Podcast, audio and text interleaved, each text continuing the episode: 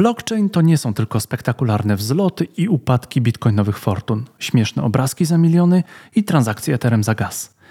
O blockchainie można mówić naukowym językiem, bez marketingowego podejścia, na zimno i konkretnie.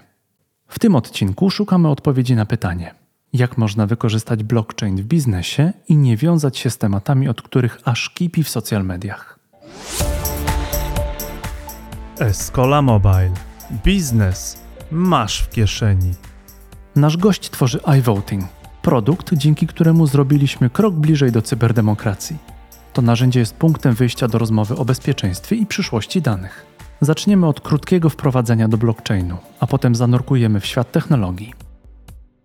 Blockchain, Ether, Bitcoin tak naprawdę dopiero w postpandemicznym świecie zaczynają być zauważane w kontekście ekonomicznym, gospodarczym czy nawet ekologicznym. Co to jest cyfrowy pieniądz i jaką wartość niesie? Gdzie twórca Bitcoina popełnił błąd, dzięki któremu wartość tej waluty tak bardzo się waha? Czy Web3 to tylko buzzword i jak DAO może zmienić branżę IT? Jeśli chcesz stworzyć aplikację mobilną lub webową, zajrzyj na naszą stronę escola.pl i daj nam znać, jak możemy Ci pomóc. Zapraszamy do wysłuchania kolejnego odcinka podcastu Escola Mobile. Biznes masz w kieszeni. Dzień dobry, dzień dobry, to jest Escola Mobile Live. Witam serdecznie w kolejnym przeze mnie bardzo długo uczekanym odcinku, oczekiwanym odcinku, ponieważ mieliśmy na antenie Escola Mobile kilka epizodów poświęconych blockchainowi, technologiom Web 3.0, metaversowi. Natomiast bardzo długo szukałem specjalisty, który umie o tym opowiedzieć bez konieczności opowiadania o spekulacji, o, o tym, jak na tym można łatwo i szybko zarobić. I wierzcie mi, nie było łatwo znaleźć takiego gościa, ale znalazłem. Jest nim profesor Krzysztof Piech. Witam Krzysztofie. Cześć, witam wszystkich. I to ciekawe, zupełnie przypadkiem okazało się, że mamy też jedną część wspólną, ponieważ Krzysztof Piech jest współautorem iVoting, takiego portalu, który właśnie wykorzystuje w praktyczny sposób e, tą technologię blockchainową, tak aby organizować głosowania i współwykonawcą tej, e, tej aplikacji jest niedawno nabyta przez Escole firma Focus IT. Jakbyś mógł Krzysztof od tego kilka słów zacząć, jak można wykorzystywać blockchain nie tylko do spekulacji i mówienia, czy blockchain, czy, czy bitcoin spadł, czy wzrósł, jakbyś mógł dwa słowa o tym projekcie opowiedzieć. Um, blockchain to jest e, zdecentralizowany system rozliczeniowy. Wszędzie tam, gdzie potrzebujemy mieć pewność, że to, co weszło do systemu, jednocześnie wychodzi z systemu, no to tam blockchain e, może być bardzo dobrym rozwiązaniem. Tak jak mamy system pieniężny, prawda? Wkładamy do systemu jakieś środki finansowe i na wyjściu też powinna być taka sama ilość e, pieniędzy, bo jeśli jest coś nie tak, no to mamy manko w kasie e, i wielki problem dla księgowych, audytorów i tak dalej. Podobnie jest przez analogię z głosami wyborczymi. Jeśli wiemy, ile głosów ma być oddanych, i to, to możemy to zrealizować w taki sposób, że ani jeden głos nie zostanie utracony. A jednocześnie, jeśli się zapewni odpowiednią anonimowość, sam e, blockchain do tego jeszcze w niewystarczającym stopniu służy. Stąd w projekcie iVoting wykorzystujemy też sieć e, Tor, zaprojektowaną do E, pewnych anonimowych e, celów. Jeśli e, zmieszamy te dwie kwestie, blockchain i, i sieć Tor, dodając jeszcze no, różne inne zabezpieczenia, no, otrzymamy, mamy nadzieję, bezpieczny system do głosowania online, czyli coś, nad czym informatycy głowili się przez co najmniej kilkanaście lat, jak coś takiego zrobić. Mam nadzieję, że uda nam się to już w ciągu paru miesięcy, ten projekt, trzyletni projekt zakończyć i wejdziemy z produktem na rynek. Czyli rozumiem, że bo są kraje chyba najsłynniejsza jest Estonia, która, które zapewniają to, co zgodnie z konstytucją musi spełniać system wyborczy, czyli musi być właśnie między innymi anonimowy i dlatego mamy pewien problem z, z organizacją tych wyborów online. W Estonii to się udało. Czy iVoting może spełniać to kryterium, że będziemy mogli i wiedzieć, że ja to zagłosowałem, ale zarazem inni nie wiedzą, że ja zagłosowałem? Mm, tak, no Oczywiście, nim e, taki projekt e, wejdzie do głosowania powszechne, no to mm, trochę czasu musi minąć, więc raczej targetujemy najpierw e, wybory na poziomie lokalnym, tudzież na walnych zebraniach akcjonariuszy, na uczelniach, w innych organizacjach. Natomiast w Estonii jest ten problem, mimo że system działa i wydaje się być bezpieczny, to nie ma dowodów kryptograficznych na to, i to jest częsta krytyka tego systemu, że jeśli coś zostanie schakowane w tym systemie, nie można udowodnić, czy rzeczywiście do tego doszło. E, w związku z tym ten dowód taki bezpieczeństwa z głosowań w Estonii jest dość niepewny. W naszym projekcie nie ma takiej możliwości. Tak jak w Bitcoinie, ani fragment Bitcoina dotąd nie został utracony, chyba że ktoś zgubił klucze do do swoich portfeli, co oczywiście się zdarza, ale nie doszło do fałszerstw, nie było tak, że ktoś dosypał nagle milion bitcoinów na rynek. No coś takiego się nie zdarzyło. To, co my zrobiliśmy, wzięliśmy najlepsze cechy bitcoina, e, dodaliśmy do tego trochę własnych modyfikacji, pozbyliśmy się e, e, kryptowaluty, bo nie jest potrzebna nam w głosowaniach. No i, i, i taki projekt tworzymy. Zobaczymy, czy się przyjmie. Na razie, co ciekawe, mamy większe zainteresowanie ze strony Komisji Europejskiej niż ze strony polskiego rządu, no ale taka już jest, taki jest urok naszego bardzo nowoczesnego kraju. No tak, no wybory są już niebawem, więc chyba pewnie są ważniejsze rzeczy, prawda, inflacja i tak. inne problemy niż to, żeby głosowanie było na blockchainie. Ale po, powiedziałeś bardzo ważną rzecz, że to blockchain nigdy nie został schakowany. Oczywiście możemy zgubić tak, nasz klucz. Ja jestem jedną z tych osób, która niestety nie pamięta, jak się dostać do mojej połówki bitcoina. Bardzo mnie to bolało, jak bitcoin kosztował 60 tysięcy dolarów. Na szczęście teraz trochę mniej boli, e, więc już spuśćmy na to zasłonę milczenia. Jak to się stało? Jak ta technologia jest skonstruowana? Jeżeli mógłbyś wyjaśnić w taki w miarę przystępny sposób, że faktycznie się tego nie udało zhakować. No tak, e, wielu próbowało. Dobrze zaprojektowany blockchain, jak na razie nie udało się nikomu takiego blockchaina zhakować ze względu na kryptografię, która tam jest, która jest e, solidna. Oczywiście czasami pojawiają się pytania, co będzie, jeśli blockchain będzie zhakowany. Ja myślę, że wtedy będą dużo ważniejsze problemy e, na świecie, ponieważ wszystkie służby specjalne również automatycznie zostaną zhakowane, wszystkie administracje publiczne na świecie i tak dalej, i tak dalej. Tego typu zabezpieczenia są w technologii blockchain, bardzo solidna kryptografia asymetryczna. Natomiast jak to działa i na czym to polega? Wyobraźmy sobie, że mielibyśmy taki, taki takiego Excela online, takiego Sheet, do którego każdy może wpisywać jakieś informacje, że ja komuś jestem winien, ktoś jeszcze jest winny komuś innemu. Natomiast e, te informacje będą wpisywane w taki sposób, że nikt nikogo nie może oszukać. To znaczy, jeśli ja komuś jestem winny jakieś środki, to, to, to, to ja nie mogę tego sfałszować, ponieważ e, system sprawdza na bieżąco, czy ja rzeczywiście miałem tyle środków, czy ja rzeczywiście chciałem przekazać je e, komuś i tak dalej. Czyli mamy taką rozproszoną księgę rozrachunkową, rachunkową, e, w której wszystkie zapisy, kto komu co jest e, winien, e, jest, to funkcjonuje i to działa i nie można tego sfałszować. Dlaczego nie można sfałszować? Ponieważ blockchain jest rozpięty na dziesiątkach, a nawet czasami tysiącach komputerów na świecie. Gdyby blockchain był na jednym serwerze, administrator tego serweru, jego szef, e, szef jego szefa, wszyscy mogliby sfałszować zapisy, które są na tym e, serwerze.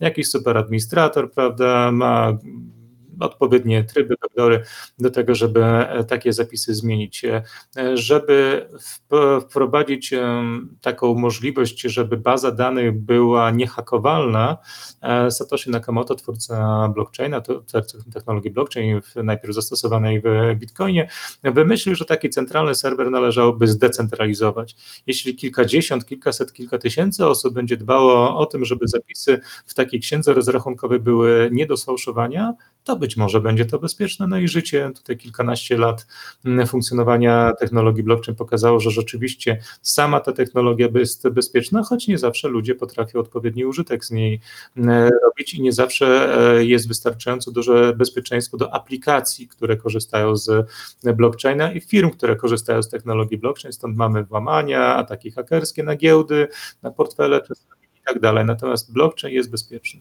To, to, to, o tych włamaniach i o tym całej, o tym, o czym opinia publiczna się dowiaduje, jak choćby tam upadek FTX-a niedawny, to porozmawiamy za chwilę. Natomiast, czyli tak podsumowując, to blockchain polega na tym, że tak jak wspomniałeś o tym Excelu czy o tych zapisach na księdze rozrachunkowej, to wszyscy mają jej kopię i ta kopia, każdy nadpis jest, rozumiem, replikowany na wszystkie te właśnie bloki, na te wszystkie pozostałe serwery. czyli de facto, żeby schakować blockchaina, trzeba by schakować wszystkie serwery naraz, albo mówiąc chyba ściślej, większość serwerów, żeby one uzgadniając prawdę e, musiały, czyli to, to, to, to jest trudność, tak, że, że, że, tak, że trzeba no, by schakować. mieć takiego hakera, który jest w stanie przełamać e, zabezpieczenia tysięcy komputerów na całym świecie, mhm. E, co jest bardzo trudne. Także no i dlatego to jest tak, e, tak bezpieczne. Mhm. No to wróćmy do tego pana Nakamoto, który chyba do dzisiaj nikt nie wiemy, któż to jest.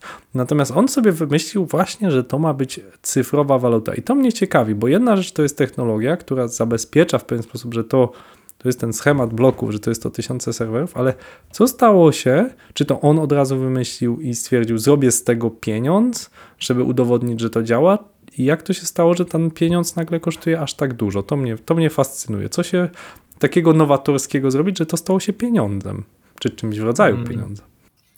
Tak, bo zdecentralizowane bazy danych, takie pojęcie już wcześniej istniało na świecie, informatycy to e, używali. Natomiast były podejmowane próby wprowadzenia pieniądza. Dlaczego to było ważne? No bo skoro możemy maila wysłać na drugi koniec świata, co nas nic nie kosztuje i e, w, przechodzi w sekundę, to czemu pieniędzy nie możemy w ten sposób e, wysłać? Informatycy mm, zastanawiali się nad tym problemem przez długi czas. Także próbowali przez dziesiątki lat właściwie rozwiązać problem też piractwa komputerowego. Jak mieć tylko jedną kopię czegoś i nie móc tego zwielokrotnić. Przecież e, to jest olbrzymi problem w internecie. A z pieniądzem właśnie w ten sposób jest, jak mieć 100 zł i nie móc sobie ich skserować, skopiować w formie cyfrowej. No i udało się to mm, zrobić. Satoshi Nakamoto wiedział, co robi, bo e, celowo wymyślił nie samą technologię blockchain, ale od razu zastosował ją do do pieniędzy. Rozwiązał problem, nad którym informatycy pracowali przez e, długi czas, no i to działa. Natomiast e, skąd się bierze cena bitcoina i dlaczego on jest taki o, ważny? To się bierze z błędów, które Satoshi Nakamoto popełnił, choć może celowo to zrobił, e, błędów w protokole bitcoina. Jak powinien wyglądać idealny system pieniężny? Wkładamy do niego pieniądze i wyjmujemy tą samą ilość pieniędzy. W Bitcoinie tak nie jest. W Bitcoinie przewidziano, to co w bankowości centralnej od dziesiątków lat jest, możliwość, przewidziano możliwość druku pieniądza autentycznie tak się dzieje. Tylko, że o tym druku pieniądza, o tym tworzeniu nowych bitcoinów nie decyduje zarząd banku centralnego, jakaś rada specjalistów w banku centralnym, e, ale decyduje algorytm komputerowy. A ponieważ jest on niehakowalny, ponieważ jest rozproszony po tysiącach komputerów na świecie, no to ten algorytm decyduje, kto i co, jaki czas i ile nowych bitcoinów e, dostaje. I ponieważ e, zabezpieczenie technologii blockchain e, w przypadku Bitcoina polegało na wykorzystaniu mocy obliczeniowej, za tą moc obliczeniową trzeba było w jakiś sposób e, zapłacić.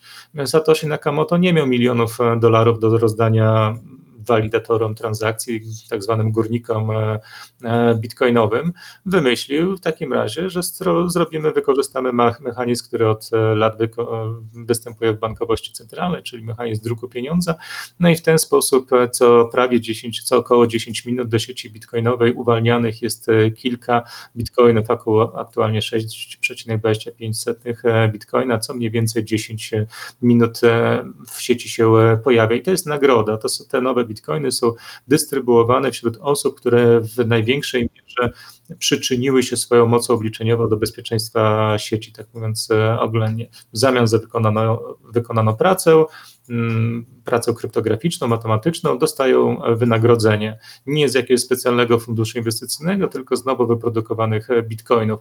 I na samym początku te bitcoiny nie miały żadnej wartości ale okazało się po jakimś czasie, że te bitcoiny można było sprzedawać na jednej z pierwszych, pierwszej giełdzie tego typu Mt. Gox, giełda już nie działa od wielu lat, no ale, ale wtedy już zaczęło być widać, że bitcoin może mieć jakąś wartość, a że coraz więcej osób chciało te bitcoiny używać, no to stąd też popyt przewyższał podaż, cena oczywiście musiała rosnąć, no i stąd obecna cena bitcoina.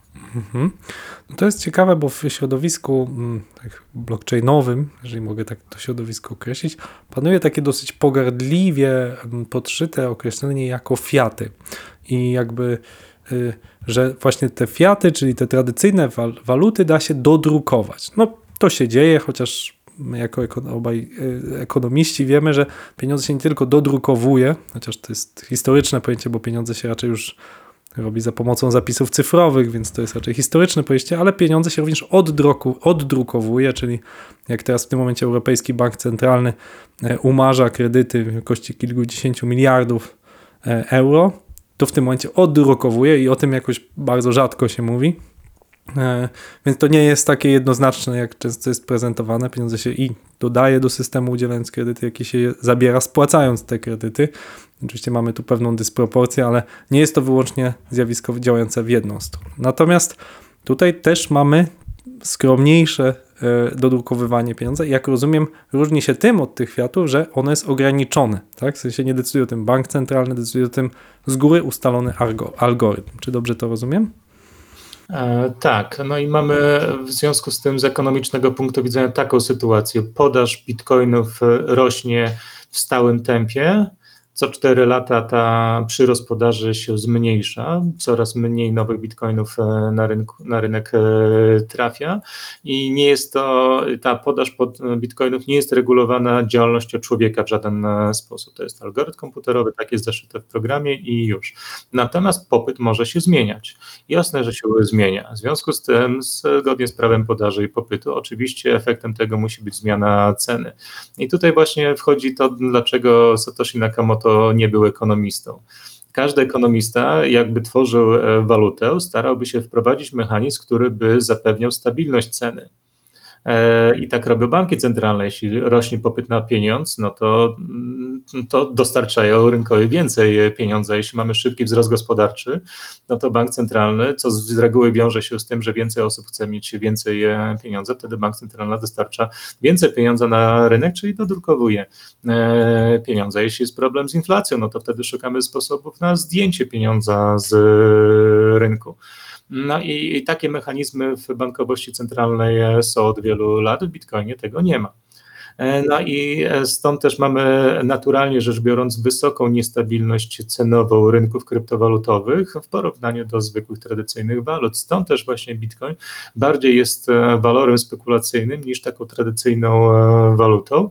Jako tradycyjną walutę tak, taką rolę odgrywają stablecoiny tak zwane, które wypełniły lukę, która funkcjonowała na rynku kryptowalut. Ludzie potrzebowali mieć stabilnego pieniądza do płacenia nim. Bitcoin był zbyt niestabilny, inne główne kryptowaluty również. Stąd powstały tak zwane stablecoiny, którymi obroty których obroty są e, czasami dużo wyższe niż obroty e, bitcoinem. Widać, że rynek tego typu rozwiązania e, potrzebuje. Szkoda, że nie ma polskiego stablecoina, polskiej złotówki w formie cyfrowej, no ale tak to się złożyło. Natomiast rynek w dużej mierze przede wszystkim korzysta z stablecoinów opartych na dolarach. Natomiast wracając jeszcze do drobnego wyjaśnienia słowa fiat, no Polakom się kojarzy fiat z małym czy dużym fiatem, czyli takim już niezbyt nowoczesnym samochodem z czasów, kiedy kiedy, kiedy rzeczywiście takie samochody, y, y, powiedzmy starego typu, jeździły po ulicach. Natomiast chodzi o fiat money, czyli pieniądz fiducjarny, pieniądz dekretowy, pieniądz, który, którego podaż jest regulowana przez e, władze w ostatnich e, latach, przez banki centralne, wcześniej przez rządy czy przez e, królów, tudzież innych władców. Dla odróżnienia pieniądz algorytmiczny, kryptowaluty są trochę czymś innym i w kryptowalutach możemy mieć też takie zdejmowanie pieniądza z rynku poprzez palenie tokenów na przykład, najczęściej przez wysyłanie ich na jakiś nieistniejący adres, z którego nikt nie może skorzystać, no, albo też są inne sposoby wpływania na podaż pieniądza, jest już to coraz częściej regulowane w różnych, w różnych projektach, natomiast ważne jest, żeby to był algorytm, żeby podaż nowych tokenów, nowych coinów nie była, nie podlegała decyzji jednej osoby, tudzież ograniczonego grona osób, bo to jest jedna z takich cech charakterystycznych kryptowalut i tokenów cyfrowych, odróżniając je od tradycyjnych e, czy e, walut narodowych, czy akcji spółek, gdzie, gdzie obie te rzeczy mogą też się e, zmieniać. Mówię, mhm. jeśli chodzi o no, pieniądz w teorii ekonomii ma swoje określone cechy. Jedną z tych cech jest właśnie to, że nosi, nosi, jest nośnikiem wartości. Tak? I e, tutaj, ponieważ mamy audycję live, pojawiło się nam trochę pytań. Między innymi jeden ze słuchaczy pyta właściwie, czy mówimy jednak waluta cyfrowa, algorytmiczna waluta cyfrowa, ale czy bitcoin, czy inny coin jest nośnikiem wartości, czy niekoniecznie? Mm, w pewien sposób tak, no, wartość e, nadaje rynek. Kwestia jak e, papierowy pieniądz, który nie jest związany z tradycyjnie e, złotem, bo to było przez setki lat zabezpieczeniem emisji pieniądza, może przez dziesiątki lat zabezpieczeniem pieniądza papierowego. No taką sytuację, takiej sytuacji już na świecie nie mamy od 50 prawie że lat. Mamy pieniądz fiducjarny, ten pieniądz nie oparty na kruszcu, no i, i co nadaje mu wartość? Zaufanie do państwa, do rezerw e, państwowych, do armii, do przyszłych podatków, które państwo może ściągnąć. Natomiast jeśli rynek uzna, że ten pieniądz jest nic nie wart, to może być sytuacja jak z Wenezueli, gdzie było włamanie do banku i ukradli krzesła, biurkotery, jeśli były, a nie pieniądze, bo te nie były specjalnie e, cokolwiek e, warte. I podobnie, podobne mechanizmy są na rynkach e, kryptowalut. Jeśli rynek uznaje, że dana kryptowaluta ma jakąś wartość, to ona ma tą wartość i kapitalizacja jest większa od zera. Natomiast są projekty, które upadły, rynek stracił wiarę w dany projekt, projekt upadł, stracił wartość i oczywiście część osób straciła na tym czasami nawet spore pieniądze. Natomiast tak jeszcze z innego punktu widzenia, patrząc, co nadaje w pewien sposób wartość bitcoinowi, powiedziałbym, że energia elektryczna. Bitcoiny powstają z energii elektrycznej. To jest przetworzenie powiedzmy, czy energii słonecznej, wiatrowej, czy węgla na energię elektryczną, która służy do zasilania koparek bitcoinowych i mm, tak w uproszczeniu no, to tworzy bitcoina, więc w pewien sposób wartość bitcoinowi nadaje energia elektryczna. Co nadaje wartość e, Ethereum? No inne Ethereum, które są zastejkowane na e, specjalnych e, adresach przez różne firmy, podmioty i tak dalej. To już są takie mechanizmy pokazujące, jak może być przyjmowana, uznawana wartość. Natomiast są waluty, których wartość jest oparta wyłącznie na wierze w to, że ta waluta rzeczywiście coś w sobie wnosi, że w przyszłości będzie utrzymywała wartość. Czyli to są zwykłe mechanizmy, które są z bardziej podstawowych e, rynków e, no, nawet i z rynków e, giełdowych, że mogą być firmy, które, które coś tam tworzą, ale, ale wartość akcji tej e, wypuszczonych na rynek przez firmy jest wielokrotnie, dziesiątki razy nawet większa niż wartość e, firmy, która, która za tym stoi. Więc tak to mniej więcej wygląda. Czyli tak zwany sentyment decyduje. Tak, teraz dużo mówimy o sentymencie tak, rynku. Dobrze, mówimy hmm. o tym, że ener- cena energii jest ważna i tu nasuwają mi się dwa pytania.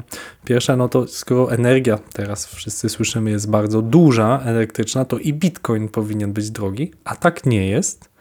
I drugie pytanie to jest, nasuwa się od razu kwestia ekologii. To znaczy, mówi się dużo, że ten bitcoin to już jakiś tam procent światowej energii, nie wiem jakie jest ostateczne. Wiem, że Ether też zmienił bardzo swoją strategię, żeby zużywać mniej energii. Parę słów na temat tego, jak to jest z tą energią i czemu nie ma korelacji dokładnej.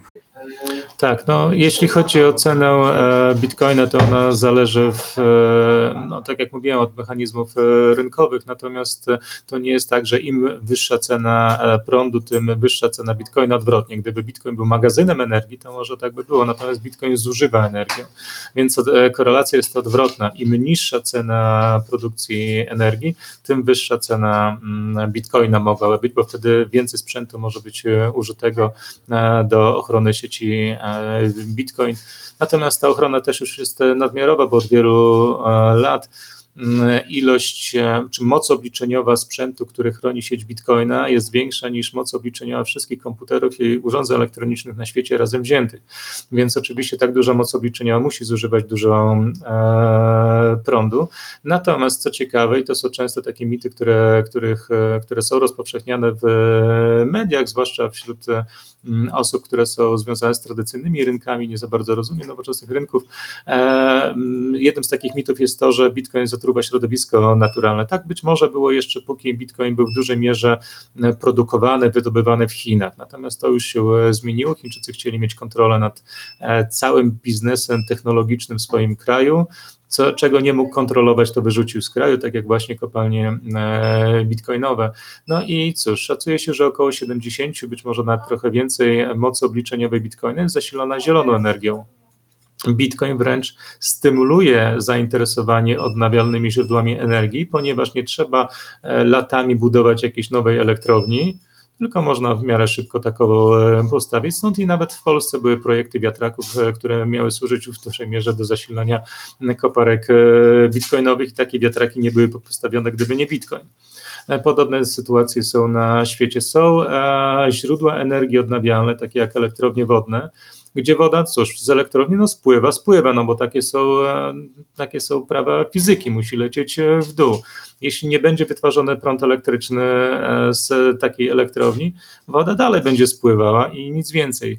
Popularnie się mówi wtedy, że to jest takie no, e, tworzenie prądu, żeby on poszedł w piach. No, prąd jest tworzony, ale nie ma wystarczającego dużego zapotrzebowania na ten prąd i to jest idealne miejsce do tego, żeby tam postawić kopalnię e, bitcoinową. I tak jak mówię, część osób bardzo akcentuje te kwestie ekologiczne, mitologizując branżę przy mówiąc, że energia elektryczna pochodzi wyłącznie z e, paliw kopalnianych, tymczasem tak, e, tak nie jest. Trzeba było... Można podsumować, że tak było, póki Bitcoin był silny w Chinach, a teraz już można powiedzieć, że właściwie, jeżeli myślimy o islandzkiej energii, no to domyślam się głównie geotermia, to jest też dobry kraj, bo stabilny klimat.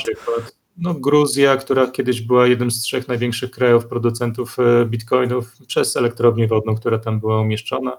Także no, są tego typu e, przypadki. No aczkolwiek, no tak jak mówię, bardziej e, modniejsze jest mówienie źle o Bitcoinie. Po to jest ta audycja.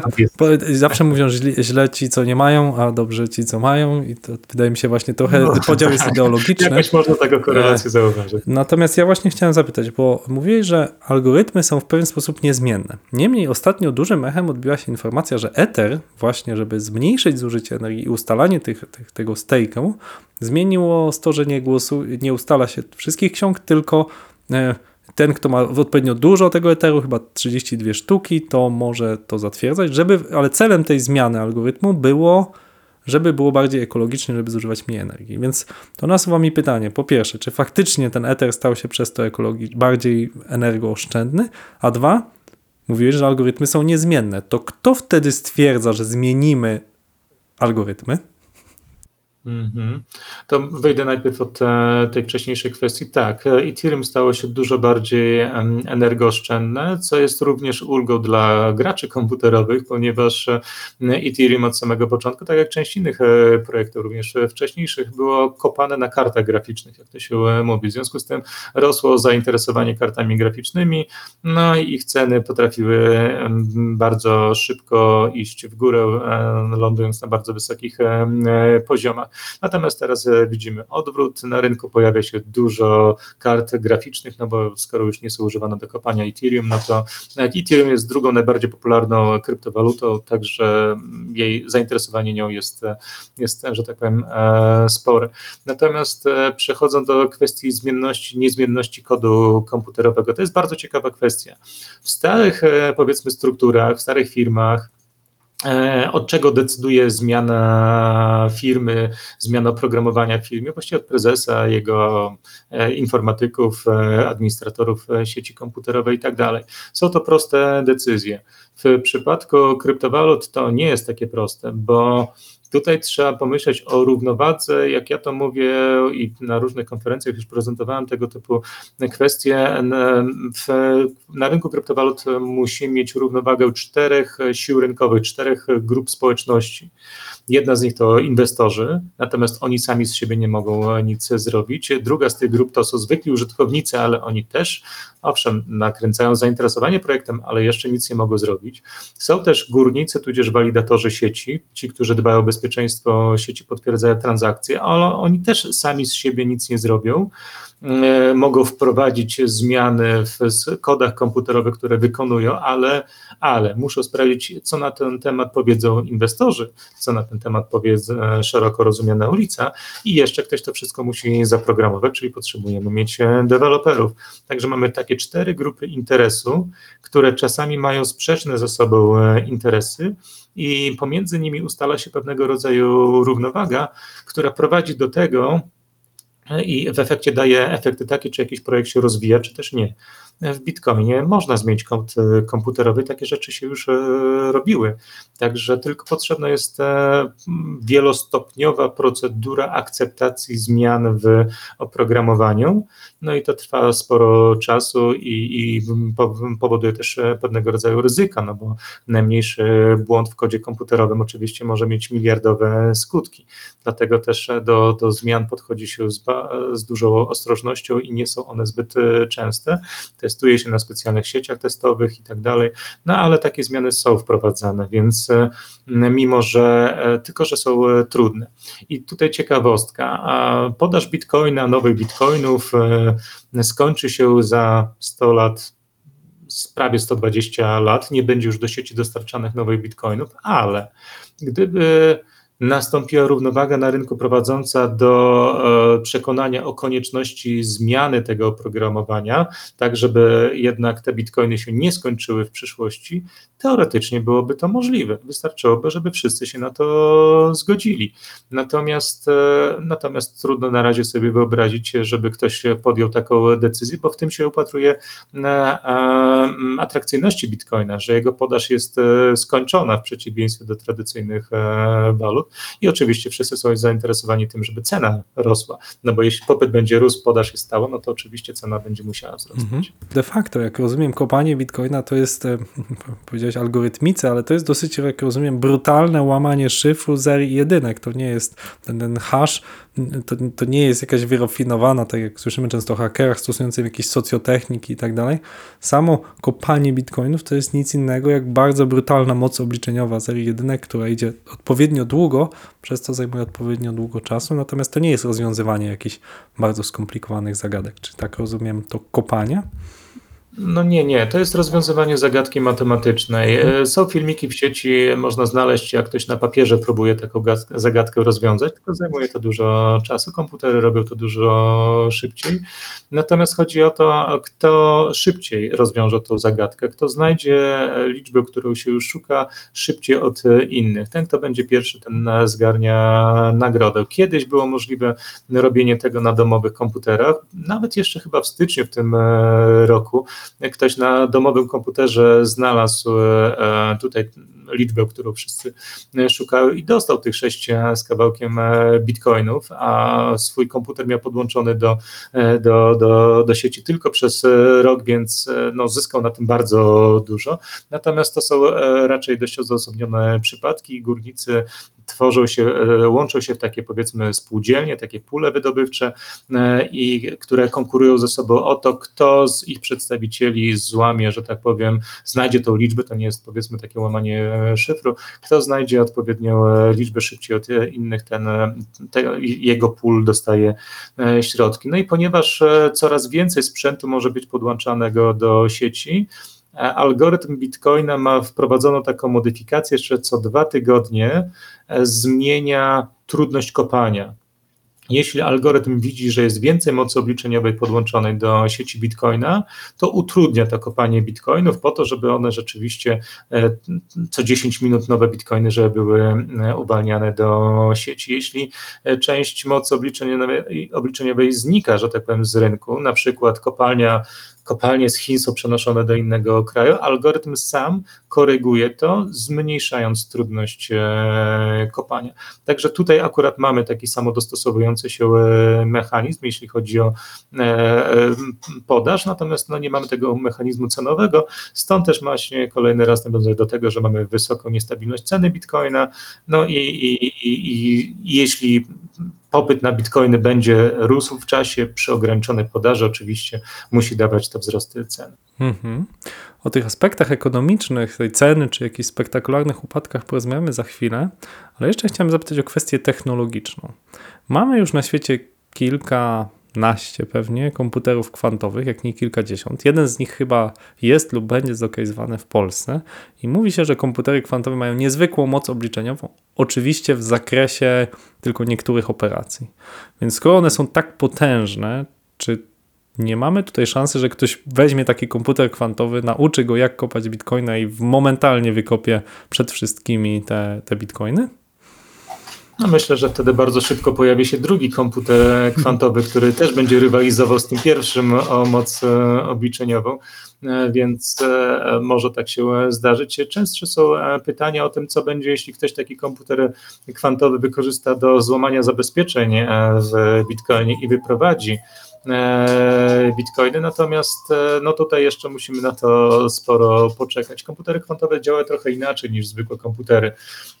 2 e, plus 2 w zwykłych komputerach zawsze jest równe 4. W komputerach kwantowych przeważnie równa się 4, ale czasami może równać się 5, zależy e, z jakim e, prawdopodobieństwem. Przynajmniej tak na razie to e, działa, naukowcy pracują nad tym, żeby to trochę zmienić. Natomiast, co ciekawe, są już algorytmy zwiększające odporność na komputery kwantowe i chociażby w jednym z wariantów rozwoju projektu iBouting też będziemy pracować nad tym, jak zapewnić taką rzecz, żeby poufność e, oddanych głosów była zapewniona na kilkadziesiąt lat do przodu, nawet przewidując, że w przyszłości będziemy operowali, e, działali na komputerach kwantowych, więc trzeba byłoby wprowadzić zabezpieczenie już teraz, żeby, żeby zapewnić odporność E, sieci na, na, na łamanie zabezpieczeń za pomocą komputerów e, kwantowych. I takie algorytmy już e, są. Teoretycy, kryptografowie takie algorytmy wymyślili.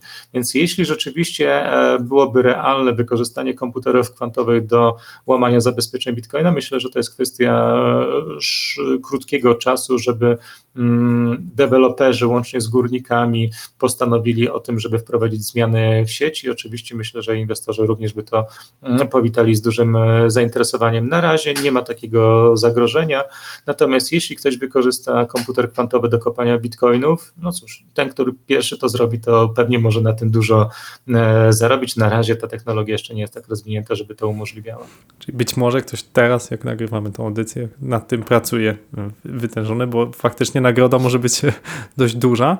E, z, no tak. racji, że faktycznie te moce obliczeniowe to tam są idące w setki, tysiącach razy normalny wielki serwer, tylko oczywiście, tak jak powiedziałeś, to nie jest to ta sama moc obliczeniowa.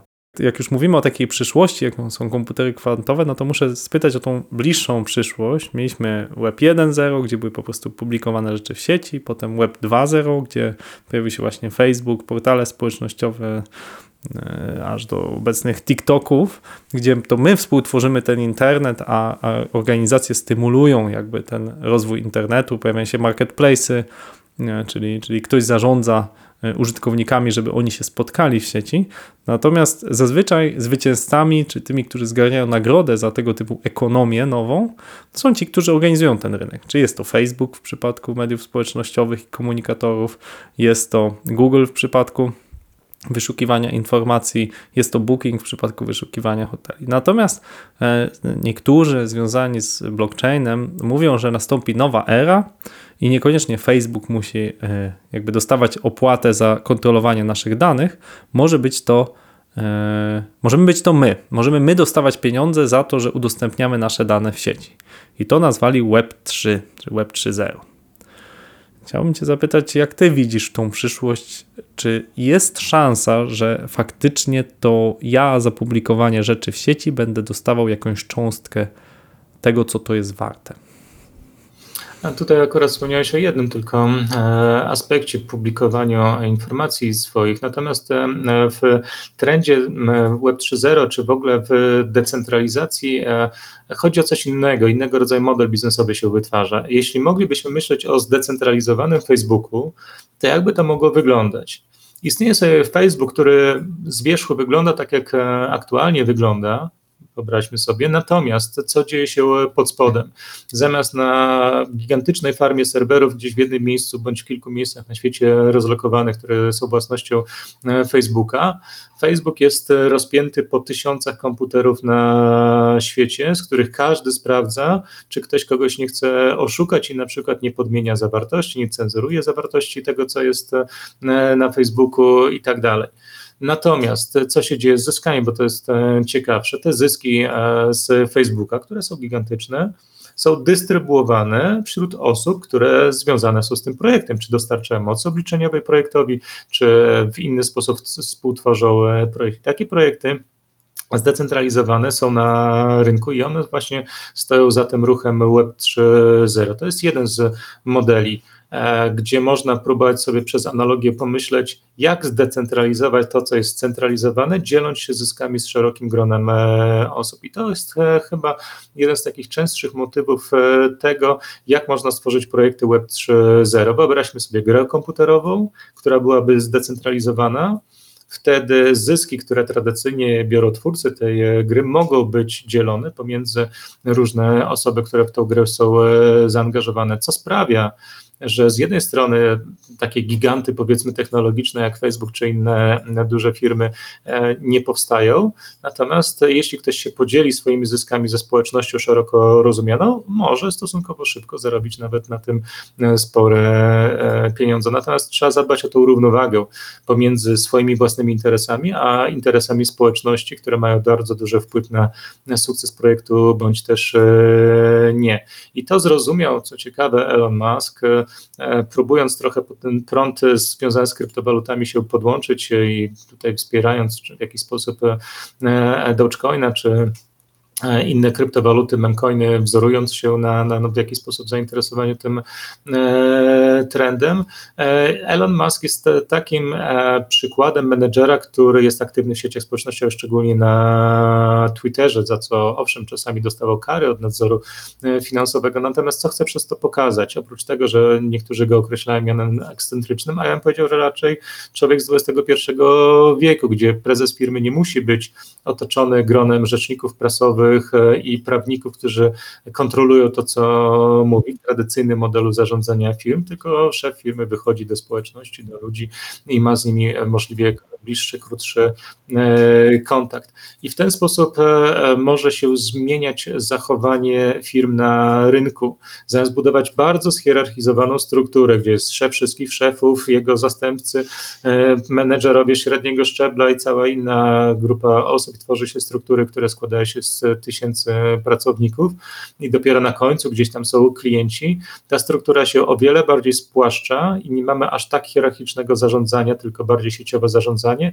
coś, co jest typowe w zdecentralizowanych problemach w projektach, w projektach e, blockchainowych. E, czyli mamy zmianę, jak to się mówi czasami, paradygmatu zarządzania, zmianę sposobu myślenia o prowadzeniu biznesu, e, w inny sposób patrzy się na zyski, na inwestowanie i tak dalej. Jest mnóstwo różnych aspektów, które wniosła technologia blockchain również do prowadzenia biznesu. Natomiast wracając jeszcze do Web 3.0, możemy próbować decentralizować wszystko. To jest taki najprostszy model myślenia o Web 3.0. Tak jak myślenie o internecie polegało na tym, jak coś, co działa offline, przerobić na online. Zwykły sklep działał, prawda, sprzedawał marchewkę, możemy ją zacząć sprzedawać przez internet. Sprzedawaliśmy książki stacjonarnie w księgarni, sprzedajmy te książki przez internet Teraz podobny model można byłoby pomyśleć w przypadku Web 3.0, czyli coś, co dotąd funkcjonowało w taki zwykły, tradycyjny, internetowy sposób, teraz można próbować decentralizować i dzielić zyski pomiędzy mhm. różne osoby. Mhm. No tak, w przypadku mocy obliczeniowej jestem w stanie łatwo uwierzyć, że jeśli ja streamuję teraz film, oglądam go na Netflixie, czy słucham muzyki na Spotify, to faktycznie, jak mówisz, jest to na jakiejś chmurze obliczeniowej, za którą płaci Spotify, ja płacę Spotify'owi, on płaci twórcom, wedle sobie tylko znanej proporcji i płaci za tą moc obliczeniową temu pewnie e, serwerowni, która o której kupuję swoje usługi. Jestem w stanie uwierzyć, że jeżeli byśmy korzystali z tej technologii Web3, to mogę, że tak powiem, użyczać swoją moc obliczeniową, czy sąsiad, od którego mogę e, słuchać tej muzyki, bo ona będzie częściowo zdecentralizowana. Natomiast są problemy dużo bardziej złożone organizacyjnie i technologicznie. Przykładem są te gry.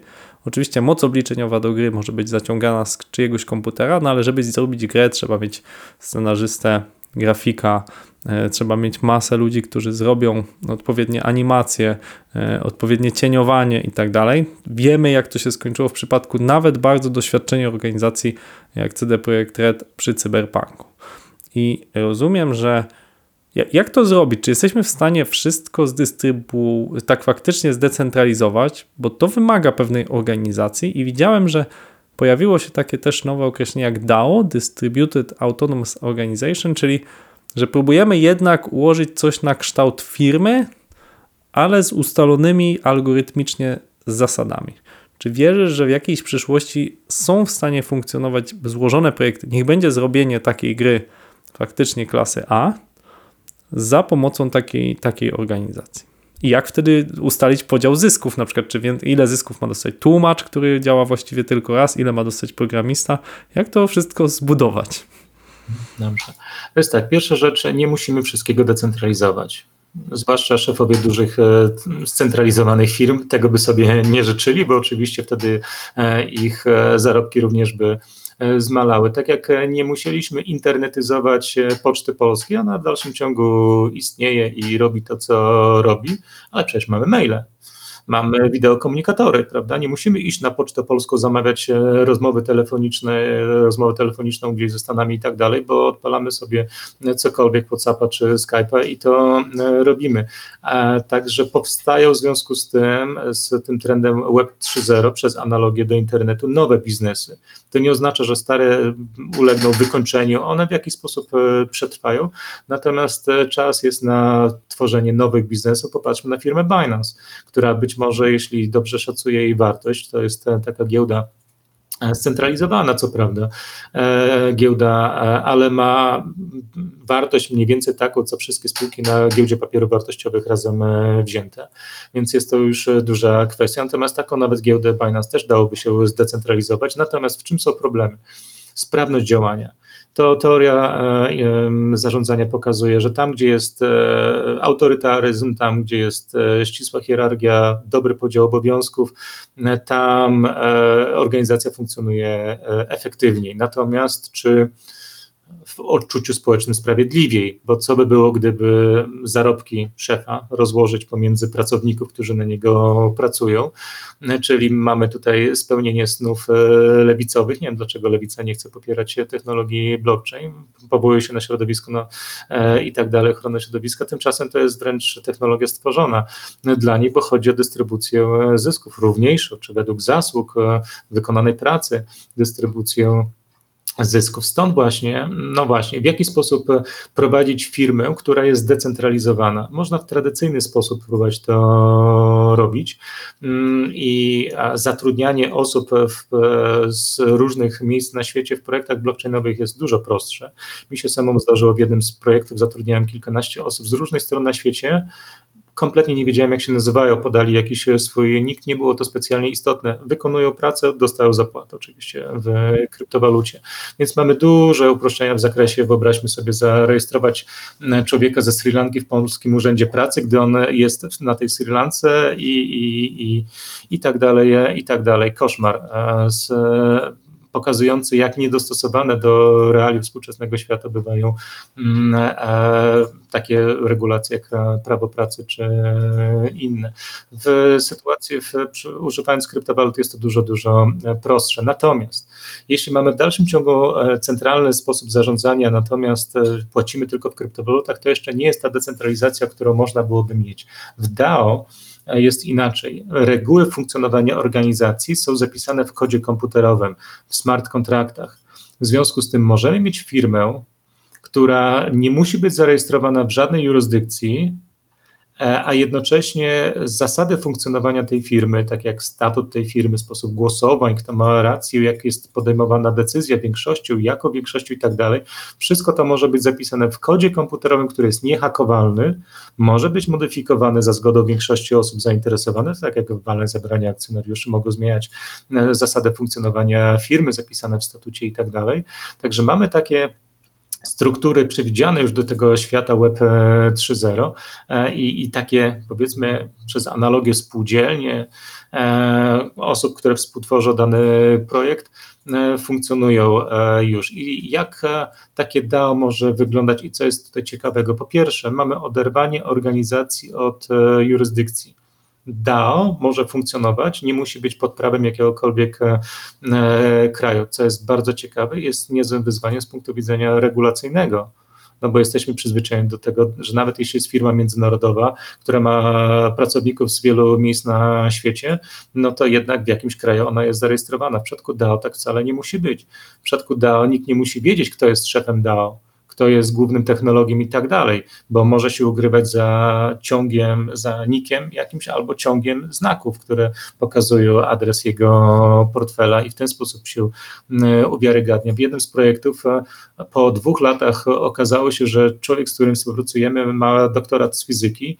Dla nas przez długi e, czas to była osoba ukryta za za nikiem i nam nie przeszkadzało, że, że, że, że nie wiemy, kto dokładnie to jest. Ważne, że robił to, co robił, co do niego należało i wychodzi z inicjatywą ciekawszych zmian w, w blockchainie. Także tak to może wyglądać. Technologia blockchain stworzyła nowe możliwości zarządzania również firmami, nowe sposoby prowadzenia biznesu. Jeszcze lata miną, nim to wejdzie do podręczników mhm. zarządzania. To jest, to jest bardzo ciekawe, konfrontować tą tradycyjną ekonomię z tym, jak działają algorytmy. I to właśnie nasuwa ten ostatni wątek, który chciałem przedyskutować, czyli jednak te różne pęknięte bańki. Ostatnią była giełda FTX, ale, ale było i tych, tych e, wydarzeń więcej, gdzie no, system był skonstruowany tak, że rzekomo był bezpieczny, ale istniała tam jednak druga organizacja, która spekulowała tą wyceną. Wreszcie było to rzekomo zabezpieczone, hmm, że w razie czego można dodrukować walutę, ale zgodnie z zasadami ekonomii była dodrukowana waluta e, wewnętrzna, która w sumie nie miała przez to wartości, jeszcze bardziej się deprecjonowała. To są mechanizmy, które w bankach centralnych są już dawno zabezpieczone, tak? właśnie poprzez dodruk czy oddruk pieniądza. Nie są perfekcyjne, ale nagle okazało się, że tradycyjne prawidłowości ekonomii, popyt, podaż, czy elastyczność cenowa działają. I, i chciałem, żebyś parę słów powiedział mm, może osobom, które nas słuchają, jak trochę ustrzec się, jak być czujnym, żeby zobaczyć, gdzie mamy do czynienia z ewentualnie z jakąś piramidą finansową, albo gdzie uważać, żeby no, nie stracić, bo, bo jednak jest trochę osób, które zostały poszkodowane przez tę sytuację. Mhm. Jest to długi temat, natomiast tutaj e, nawiążmy jeszcze do tej wewnętrznej e, waluty, która była stworzona. To była waluta oparta na wierze. Rynek stracił wiarę do tej waluty, oczywiście i wartość i cena spadła, wartość również. Także więc e, analizując projekty, w które wchodzimy, starajmy się sprawdzić, co za nimi stoi. Czy tylko marketing, a to jest najczęstszy sposób windowania ceny. Robimy marketing, postaramy się pojawić wszędzie i tak dalej, tak żeby ludzie nas e, usłyszeli, a później e, ci, którzy mają najwięcej e, tokenów czy danej kryptowaluty mogą zdampować cenę, spuścić na rynek sporo coinów, na tym zarobił, rynek na tym straci. Taki model pump and dump jest bardzo e, częsty. Ja już pierwsze takie schematy widziałem jeszcze w 2013 roku na rynku. Były takie osoby, na przykład jeden z takich Szwajcarów, który właśnie co tydzień wypuszczał jakąś kryptowalutę. Ona najczęściej trwała tylko kilka dni, cena rosła, później spadała, twórca zarabiał na kolejny tydzień, powiedzmy, funkcjonowania i tak dalej. Oczywiście teraz te projekty są dużo większe i dużo większe środki są zaangażowane. Na co należy jeszcze zwracać uwagę? Zbyt agresywny marketing, to, to już o tym wspomniałem. E, również programy referencyjne. Bardzo często piramidy finansowe e, używają tego typu schematów, nie tylko wielopoziomowego marketingu, ale również płacą innym osobom za polecenie danego projektu, a dokładniej wypłacają komuś wynagrodzenie za przyciągnięcie kogoś na rynek. Jeśli mamy coś takiego, jeśli mamy MLM, e, takie programy e, referencyjne, czerwona lampka natychmiast powinna się e, uruchamiać. Nie, jeden, nie jedna piramida finansowa zakamuflowywała się, mówiąc, że tworzą nowego, lepszego bitcoina, w związku z tym e, ludzie będą mogli zarobić na tym i tak dalej, i tak dalej. Trzeba na to bardzo uważać. Kolejna kwestia, zbyt wysoka centralizacja projektu. FTX, który upadł, był świetnym przykładem na to, jak zdecentralizowana technologia jest prowadzona przez zbyt scentralizowany projekt, gdzie duża część decyzji e, była w gronie tylko kilku osób, nad którymi nikt nie miał kontroli. Wyobraźmy sobie, czy coś takiego jak FTX mogłoby się zdarzyć w banku, gdzie prezes banku sobie tak miliard złotych gdzieś tam przelewa. E, no, nie potrafimy sobie tego wyobrazić, bo w banku jest wielostopniowa struktura, wzajemnie kontrolująca się, plus jeszcze nadzór zewnętrzny, taki e, czy też prawo, które pokazuje, jak to wszystko powinno funkcjonować tutaj. W przypadku FTX, ale to są częste przykłady na rynku, zbyt duża władza została powierzona w zbyt e, małą ilość e, rąk tutaj, które podejmowały decyzje. No i te efekty są takie, jakie jakie widzimy. Tak nie powinno być. Oczywiście ten check and balance taki wewnątrzkorporacyjny, ten ład korporacyjny powinien funkcjonować. Jeśli widzimy tego typu e, mankamenty, brak rady nadzorczej, e, dziwna jurysdykcja używana, a nie powiedzmy jakaś bardziej wiarygodna, to znaczy, że być może autorzy projektu coś jednak chcą e, przed nami ukryć, no bo klientowi będzie trudniej dochodzić swoich praw gdzieś za granicą, szukając e, sądów e, i tak dalej. Więc to są tego typu kolejne światełka ostrzegawcze, które powinny się e, pojawić. Zbyt agresywny marketing, zbyt duże przywiązanie decyzji do grona, bardzo wąskiego grona pojedynczych osób, obiecywanie zbyt dużych zysków, obiecywanie gwarantowanych zysków. No nie ma czegoś takiego jak gwarancję zysku, z wyjątkiem może banków czy obligacji rządowych, które uważa się, że są e, pewne, choć i tak e, to jest e, coś, co może być obciążone ryzykiem. Jeśli widzimy, że ktoś reklamuje się gwarantowany zysk 5% miesięcznie, uciekajmy to na pewno jest jakieś oszustwo,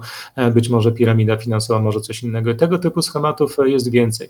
To, co wszystko złego z rynku tradycyjnego finansowego zostało wyeliminowane przez dziesiątki lat rozwoju nadzoru finansowego, to wszystko ponownie pojawiło się na rynku kryptowalut i trzeba będzie co najmniej jeszcze kilku lat, żeby to się wszystko oczyściło i żeby ten rynek działał zgodnie z powiedzmy uczciwymi regułami gry. Niesamowita audycja, niesamowita rozmowa, jak dla mnie, bo pokazuje, że ten rynek ewoluuje i że są jego niesamowicie dobre cechy, nowoczesność, możliwość przesyłu, transferu, no właśnie, pieniędzy choćby w niesamowicie szybkim czasie, ale są i wady, które przez kilkadziesiąt lat udało się z ekonomii w dużej mierze wyeliminować. Profesor Krzysztof Piech był moim gościem. E, mam nadzieję, że podobało Wam się tak bardzo jak mi. Dzięki. Dziękuję za zaproszenie. Escola Mobile. Biznes masz w kieszeni. Dziękujemy za Twój czas i za to, że spędziłeś go z nami. Jeżeli ta rozmowa zainspirowała Cię do czegoś, prosimy podziel się tym podcastem z innymi. Na przykład udostępnij link do tego podcastu na Facebooku, LinkedInie, Twitterze, ewentualnie opowiedz o Escola Mobile swoim znajomym. Powtarzam to chyba 150 raz. Escola to po portugalsku szkoła, a w szkole dzielimy się wiedzą. Właśnie dlatego mamy do Ciebie prośbę. Daj nam 5 gwiazdek i fajną recenzję, jeżeli używasz ekosystemu Apple bądź Spotify. Im więcej pięciogwiazdkowych ocen oraz fajnych recenzji, tym bardziej kocha nas algorytm. Dzięki temu pniemy się w podcastowej hierarchii. Algorytm nas zauważa i częściej poleca nasz podcast nowym słuchaczom. Czyli wypełniamy naszą misję, jaką jest dzielenie się wiedzą. To był 131 odcinek podcastu Escola Mobile. Naszym gościem był profesor Krzysztof Piech. Rozmawialiśmy o naukowym podejściu do Bitcoina. Do usłyszenia.